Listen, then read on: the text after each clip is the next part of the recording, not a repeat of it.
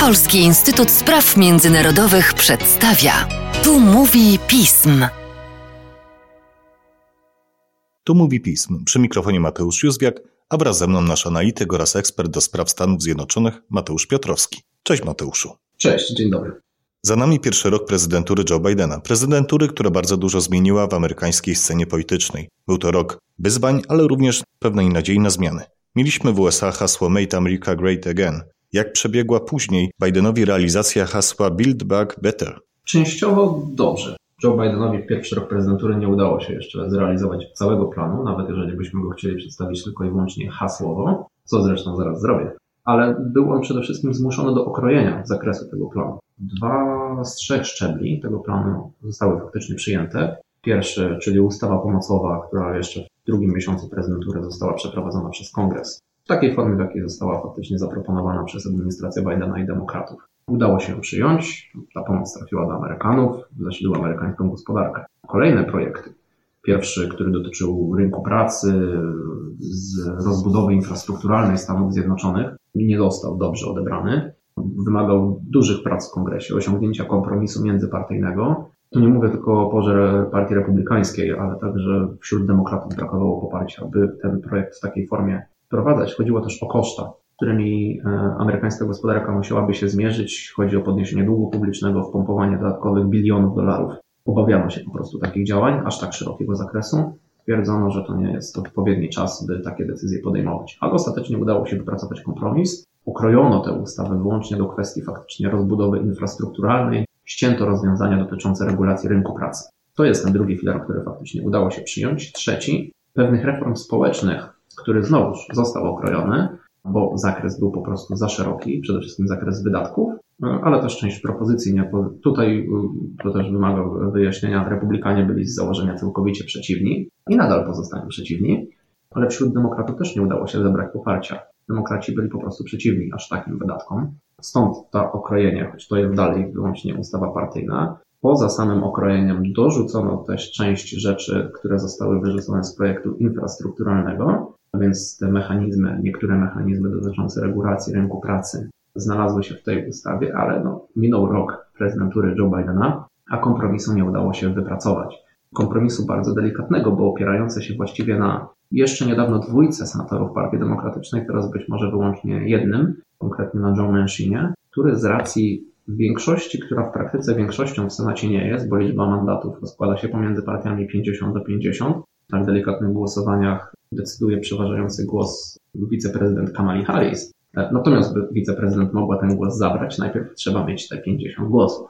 A ponieważ Manchin e, sprzeciwia się propozycji e, Joe Bidena, nawet tej wypracowanej w ramach kompromisu, no to tych głosów nie ma. Po, po poddaniu do głosowania e, tej, tego trzeciego filaru planu Build Back Better jest raczej pewne, że upadłby po prostu większością 5-10 głosów republikańskich, a być może 51 głosów razem z Menshinem na pokładzie, choć no niewykluczone, że mógłby się po prostu wstrzymać od głosu, ale to też by ten filar trzeci unicestwiło. Także tutaj ten plan nie został jeszcze w pełni zrealizowany. Oczywiście koniec pierwszego roku prezydentury nie zaprzepaszcza, że nie dojdzie do realizacji, ale sam fakt, że tak bardzo w czasie rozciągnęła się ta realizacja tego planu, Biden liczył, że do czerwca, lipca tak naprawdę wszystko zostanie wdrożone i Stany Zjednoczone będą żyć tą jego agendą, to okazało się zadaniem trudnym do zrealizowania. I to nie tylko to zadanie. Ostatecznie przecież walka z pandemią, która jest priorytetem niewątpliwie administracji Bidena, a tutaj jednak nie udało się do końca wymka się spod kontroli gospodarka. Jak najbardziej. I sama pandemia nie jest zresztą też opanowana. Joe Biden postawił od razu na program szczepień.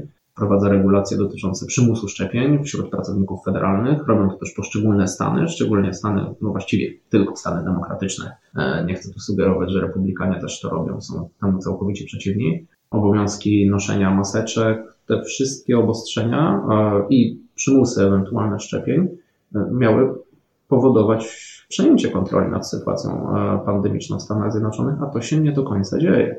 Faktycznie liczba zgonów jest w pewnym sensie pod kontrolą, o ile tak to w ogóle można nazwać, ale sama liczba no, nowo wykrywanych przypadków w niektórych stanach osiągają rekordy tej pandemii. Pomimo może nie najwyższego wskaźnika zaszczepienia społeczeństwa, ale jednak dość wysokiego. To nie jest tak, że Amerykanie się nie szczepią. Ponad połowa, ponad 60% Amerykanów jest zaszczepiona co najmniej dwoma dawkami, bądź jedną w przypadku Johnsona. Ta szczepionka też była popularnie w Stanach wykorzystywana. Ale już mówi się raczej o w Stanach Zjednoczonych podawaniu trzeciej dawki szczepień. Także tutaj zainteresowanie społeczeństwa amerykańskiego też tym jest, jak najbardziej, ale nie udało się przejąć tej kontroli. Mimo, że liczono, że to szczepienia, to nie były tylko oczekiwania Joe Bidena przecież, także innych przywódców na świecie, że szczepionki pozwolą na przejęcie tej kontroli. To się nie udało, w związku z czym opanowanie sytuacji gospodarczej, tak jak właśnie wspomniałeś, też jest bardzo trudne. Pomimo tych projektów, no jednego właściwie wprowadzonego za Joe Bidena, projektu pomocowego, który dostarczył Amerykanom pieniędzy, wzmocnił amerykańską gospodarkę, pozwolił jej przetrwać w tym trudniejszym okresie, ale skutkuje teraz tym, że Stany Zjednoczone mierzą się z inflacją, rosnącymi cenami. To też znowuż nie jest wyłącznie zjawisko w Stanach Zjednoczonych, ale też w innych państwach, które stymulowały swoją gospodarkę, gdzie ludziom e, udało się pomóc przetrwać jakoś ten trudniejszy okres. Są pewne wskaźniki, które no, pozwalają sądzić, że Biden prowadził słuszne działania, na przykład odbudowywanie miejsc pracy, odtwarzanie ich po tych pierwszych lockdownach. Nadal liczba bezrobotnych maleje i pewnie jeszcze będzie maleć przez pewien czas uda się przywrócić być może nie ten poziom sprzed pandemii całkowicie, jednak branże też się pozmieniały, nadal obowiązują jakieś lokalne obostrzenia dotyczące limitów na przykład osób w poszczególnych miejscach publicznych, ale uda się na pewno wrócić do, do, do pewnego poziomu. Natomiast jest to jednak ograniczony optymizm. Widać to wśród, nawet wewnątrz administracji, a tym bardziej jeżeli chodzi o obserwację administracji działań z zewnątrz, no to tutaj ten optymizm jest jeszcze bardziej ograniczony. Z pewnością to nie ułatwia zwiększenia poparcia dla prezydenta, a oprócz tego może też wpływać negatywnie na to, aby miał pełne poparcie w obrębie własnej partii. No właśnie, z tym też jest problem. Samo poparcie dla Joe, dla Joe Bidena publiczne e, ze strony społeczeństwa nie jest wysokie. Najwyższe miał w pierwszym tygodniu prezydentury, czyli można powiedzieć, że dobrze było tylko w momencie, kiedy został prezydentem, a potem zaczęło się robić tylko gorzej. Być może oczekiwania Amerykanów były zbyt duże okazuje się ostatecznie, że nie wystarczy nie być Donaldem Trumpem, e, by panować nad sytuacją polityczną. Trzeba też spełnić e, szereg żądań e, amerykańskich obywateli. Części z nich się nie da spełnić oczywiście, tu mowa o przeciwnikach politycznych. Oni zresztą pewnie by nie chcieli, żeby zostały spełnione, bo to by szło w sprzeczności z, z, z ich agendą. Natomiast no, trzeba też podjąć szereg po prostu działań które jakoś będą odpowiadać na, na, na, potrzeby Amerykanów, a tutaj było z tym bardzo różnie i między innymi problemy z realizacją tej agendy Build Back Better była odbierana negatywnie. To, że Joe Biden nie umie się porozumieć z kongresmenami z własnej partii, że negocjuje i z bardziej lewicowymi kongresmenami, i z bardziej centrującymi kongresmenami, jednocześnie negocjuje z republikanami, no, ukazało się pewnym brakiem sprawności politycznej Joe Bidena. Tak to jest przynajmniej oceniane. Bo, bo, oczywiście spodziewano się trudnych relacji z republikanami, to jasne, szczególnie przy tak niedużej, znaczy właściwie nie, nie, nic nieznaczącej większości w Senacie, sprawowanej za sprawą wiceprezydent, ale także niewielkiej Izby Reprezentantów, gdzie przewaga demokratów nad zwykłą większością to są wyłącznie cztery mandaty. Spodziewano się, że mimo wszystko, pomimo, pomimo tych niewielkich większości, kontrola nad oboma izbami kongresu pozwoli Joe Bidenowi na realizowanie pełnej swojej agendy politycznej, że nie będzie miał żadnych przeszkód, by to robić. Tak długo, jak nie będą to wchodziły głosowania typu większość kwalifikowana, większość dwie trzecie, gdzie trzeba jednak przekonywać republikanów do, do pewnych spraw, na przykład w kwestiach budżetowych. Natomiast tutaj te trudności w przekonaniu własnych kongresmenów, gdzie Joe Biden absolutnie nie jest outsiderem politycznym, jest jednak z centrum Partii Demokratycznej, w końcu od lat 70. jest jej członkiem, przez ponad 30 lat był senatorem, później wiceprezydentem, powinien wyznaczać nurt działań tej partii.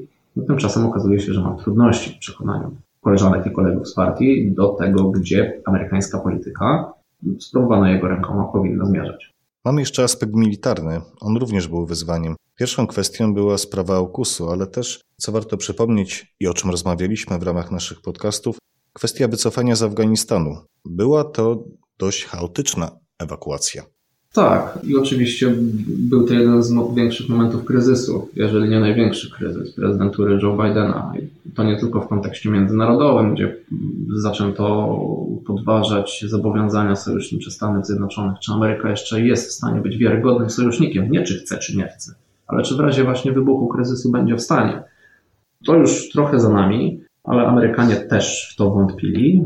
Mieli wątpliwości, czy Joe Biden to jednak jest prezydent, który powinien w tych trudnych czasach sprawować ten urząd, czy ludzie wokół niego zgromadzeni, którzy no, nie wzięli się znikąd, mieli większe bądź mniejsze, ale jednak doświadczenie też w polityce zagranicznej polityce bezpieczeństwa z amerykańskich wcześniejszych demokratycznych administracji, bądź Baracka Obamy, bądź jeszcze wcześniej Billa Clintona, czy są w stanie takimi kryzysami, których oczywiście nikt sobie nie życzy, ale się zdarzają, czy są w stanie nimi zarządzać. Ostatecznie minęło prawie już pół roku od tych wydarzeń i może się okazać, że w pewnym sensie Joe Bidenowi zostanie zapomniana ta chaotyczna ewakuacja, szczególnie w kontekście wewnętrznym. To znaczy, czy w momencie, kiedy przeciętny Amerykanin, być może nie fanatyk polityki zagranicznej i bezpieczeństwa, czy kwestii bliskowschodnich, e, już bardziej szczegółowo, uda się do urny wyborczej, uda się na wybory w 2024 roku, szczególnie, bo te kongresowe, połówkowe w 2022 mają mniejsze znaczenie, moim zdaniem, ale jeżeli będzie chodziło o reelekcję Joe Bidena na urząd prezydenta w 2024,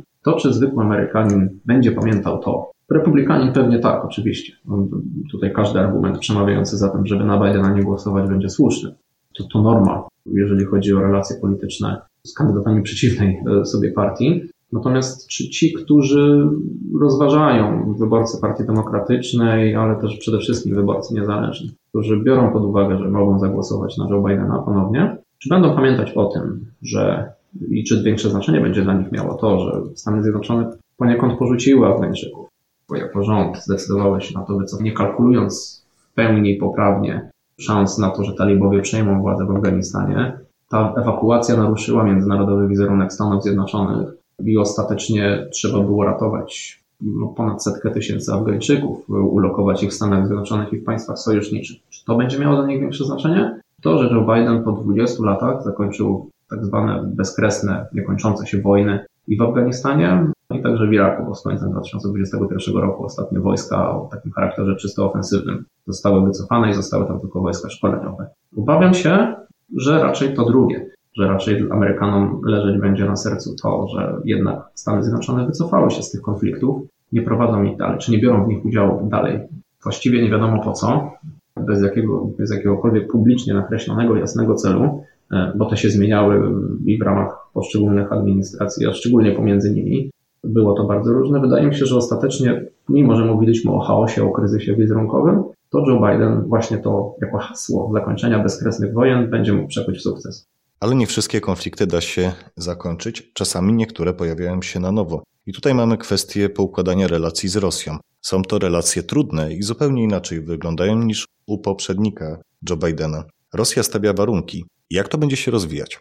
No właśnie, Stany Zjednoczone są w bardzo trudnej sytuacji z racji tego, że odpowiadają na inicjatywy rosyjskie, które są nie do przewidzenia. Z jednej strony celem Joe Bidena jest oczywiście uspokojenie tych relacji, uczynienie ich bardziej przewidywalnych. Ale czy to jest w ogóle możliwe z Rosją?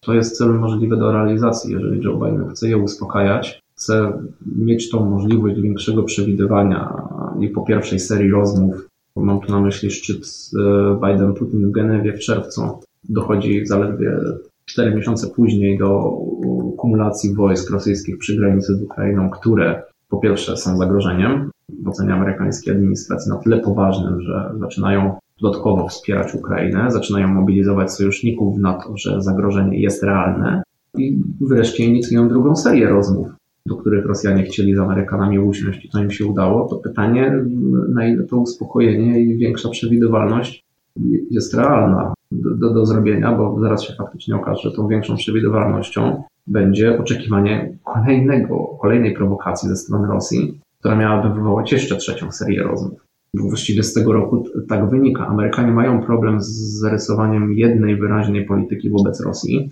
Nie są w stanie przejąć inicjatywy w tych relacjach dwustronnych. Być może większe, większe uspokojenie tych relacji jest możliwe w ramach dialogu dwustronnego, szczególnie jeżeli chodzi o kwestie proliferacji, kontroli zbrojeń wzajemnej, ograniczenia ćwiczeń, redukcji, redukcji poszczególnych rodzajów uzbrojenia. Tutaj się też wskazuje na wygasły traktat INF na przykład. To jest być może możliwe, natomiast faktycznie większej przewidywalności mam, mam, mam duże wątpliwości co do tego. Tutaj jednak Rosja dyktuje warunki. Władimir Putin chce pokazać, że no, Rosja pod jego, pod jego rządami to nie jest państwo, które można sobie zepchnąć, zepchnąć na dalszy plan, zostawić gdzieś dalej w agendzie, kalendarzu i zająć się innymi palącymi problemami, Rosja musi być na świeczniku agendy amerykańskiego prezydenta, musi być stale w polu uwagi. Więc ten cel może być bardzo trudny do osiągnięcia i fakt, że na razie nie ma pomysłu na to, jak tą inicjatywę przejąć, zdecydowanie Joe Bidenowi zadania w tych relacjach nie, nie ułatwia. Do tego dochodzą jeszcze kwestie związane z planami klimatycznymi i kwestiami demokratycznymi. Jak tutaj Joe Biden sobie radzi? To są sfery, w których bardzo łatwo było Bidenowi zarysować retorycznie amerykańskie przywództwo. Będziemy liderami polityki klimatycznej, będziemy liderami rządów prawa, promocji rządów prawa, przestrzegania praw człowieka. To jest bardzo łatwo hasłowo wygłosić. Trudniej jest podjąć realne działania. Jeżeli chodzi o politykę klimatyczną, oczywiście Stany Zjednoczone za prezydentury Bidena podjęły szereg działań. Wróciły do porozumienia klimatycznego, podjęły poszczególne zobowiązania dotyczące ograniczenia emisji, zmiany też swoich wewnętrznych sektorów gospodarczych. To są wszystko działania wewnętrzne i tutaj jak najbardziej trzeba oddać, oddać honor Joe Bidenowi. Jeżeli chodzi o szersze przekonywanie społeczności międzynarodowej, to z tym Joe Biden miał e, problem i jego wysłannik, specjalny wysłannik do spraw klimatu, dawny sekretarz stanu John Kerry, ma, ma z tym problem. To znaczy nie, nie, nie jest to aż tak skuteczna polityka. By tutaj widzieć w, w okresie roku, tego pierwszego roku prezydentury Bidena wyraźne skupienie grupy państw wokół Stanów Zjednoczonych, które postrzegają ją faktycznie jako lidera działań klimatycznych i też decydują się na dołączenie, że tak powiem, dołączenie do tych ambitniejszych, dużo bardziej ambitnych działań. Jeszcze trudniej jest w kwestii działań promocji demokracji. Tutaj chodzi oczywiście o walkę z, z rządami czy systemami autorytarnymi, ograniczaniem ich wpływu, promowanie rządów prawa, wolności mediów, przestrzegania praw człowieka, ale tak naprawdę dopóki same państwa, czy to partnerskie, sojusznicze wobec Stanów Zjednoczonych nie zdecydują się na takie działania, to bardzo ciężko jest je wymuszać najbardziej znanym mechanizmem, który Joe Biden próbował tutaj wdrożyć i zrealizował go, było zorganizowanie szczytu dla demokracji w grudniu 2021 roku, ale jego przydatność dla polityki zagranicznej Stanów Zjednoczonych będzie raczej niewielka, w tym sensie, że państwa zostały uczestniczące w tym szczycie poproszone o własne określenie pewnych zobowiązań, których się podejmą w ciągu roku.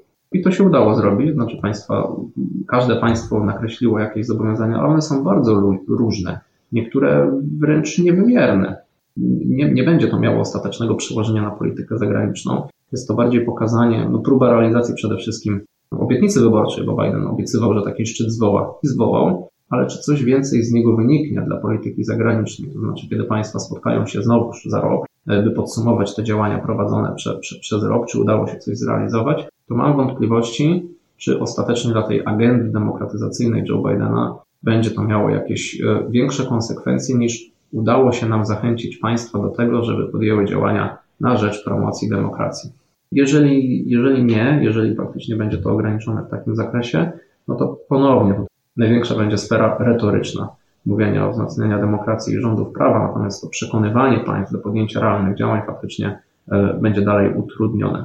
To jest jedna z rzeczy, których no, ciężko ocenić, że Joe Biden w trakcie pierwszego roku swojej prezydentury dużym powodzeniem zrealizował. Zostają jeszcze pozostałe lata i miejmy nadzieję, że tutaj będziemy mieli do czynienia z wyraźniejszym odbiciem, a na pewno z tematami, o których będzie warto porozmawiać. Dziękuję Ci, Mateuszu, za dzisiejszy podcast. Dziękuję uprzejmie. A Państwa zaś zachęcam do śledzenia naszej strony internetowej, czytania najnowszych biuletynów i komentarzy, śledzenia mediów społecznościowych i do usłyszenia.